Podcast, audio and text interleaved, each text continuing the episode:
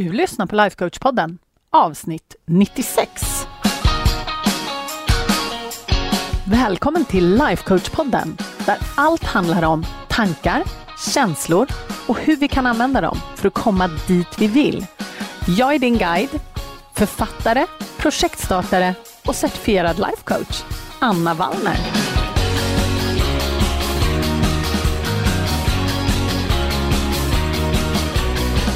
Men hej hallå på er! Nu är det måndag igen och det är inte många måndagar kvar nu på det här året. Det lyckades jag ju konstatera när jag tittade på poddschemat. Jajamensan!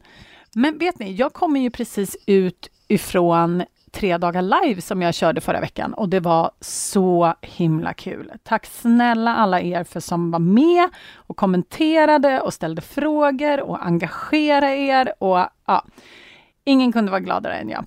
Men nu så är ju medlemskapet stängt för inträde, så alla ni som missade det, ni får ju jätte, jättegärna gå upp och sätta er på vänsterlistan tills vi öppnar i vår igen. Men det är så kul att ha alla er med, ni som kom med. Så välkomna till er allihopa. Nu fasen kör vi så det ryker. Och det här fick mig att tänka på någonting i helgen när jag satt och funderade, eller när jag spelar in det här så det är fortfarande helg, men men. Just det här med hur vi skapar förändring, för det var ju det jag pratade om, att förändring, det är någonting vi skapar, men hur får vi det att hålla i långsiktigt?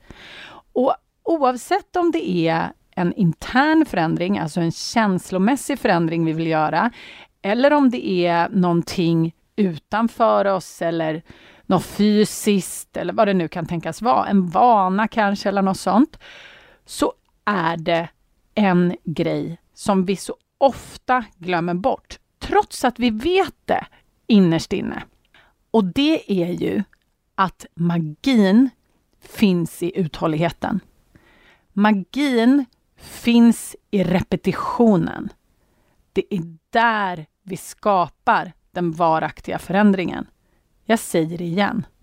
Alltså repetitionen, utförandet, det är det som skapar den långsiktiga förändringen.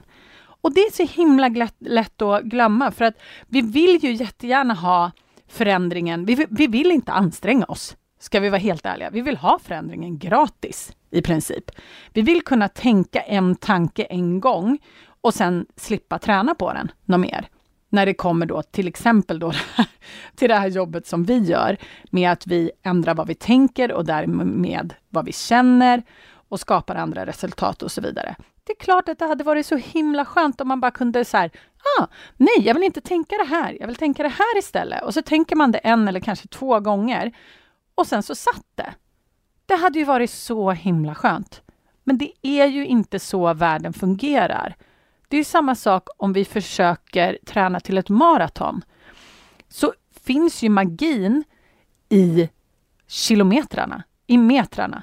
Ju fler meter, ju fler kilometer du täcker, desto närmare kommer du komma ditt maraton.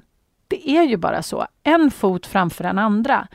Och nu när vi snart är på väg in i 2023 så kände jag bara så starkt att det är det som är det viktiga.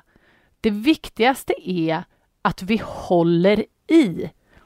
De förändringarna som vi vill skapa, vi kan skapa dem. Du, jag, alla.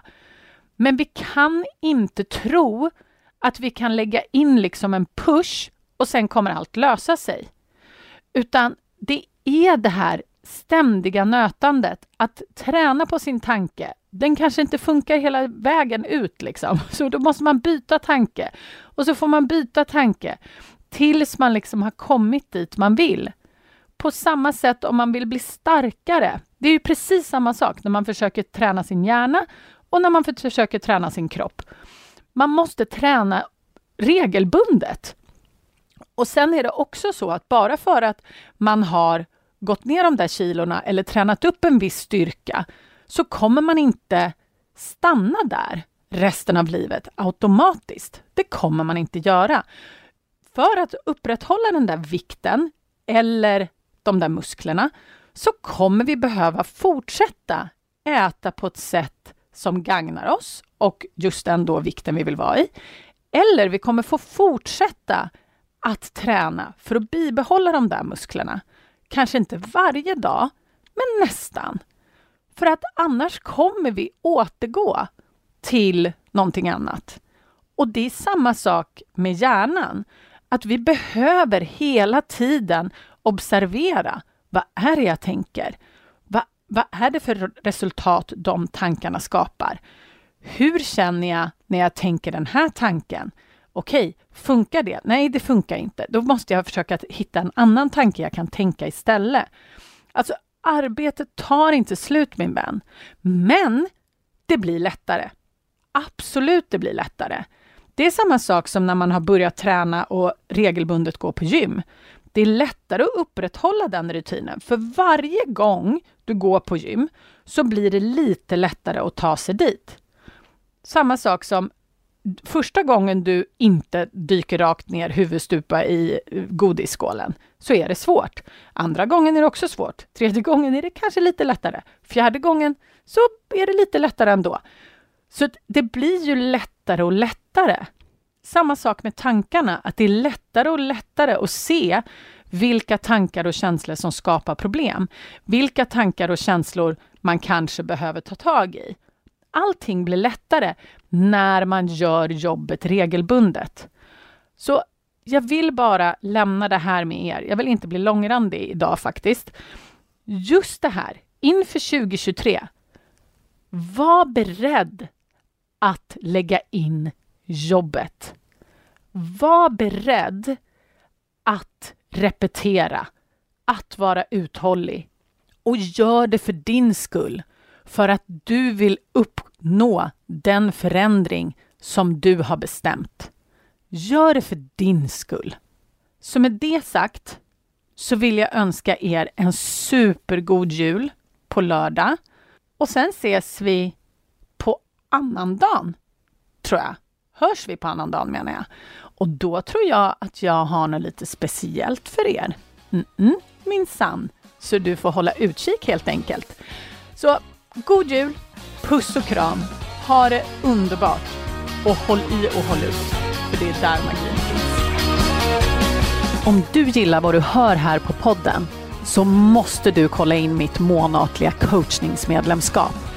Där tar vi alla verktyg här på podden plus massor mer. Vi tillämpar dem och får våra hjärnor att jobba för oss istället för emot oss. Det är en game changer. Jag lovar. Och jag skulle älska att få ha dig med. Du går bara till annavallner.se medlemskapet så kan du läsa mer och gå med. Vi ses på insidan.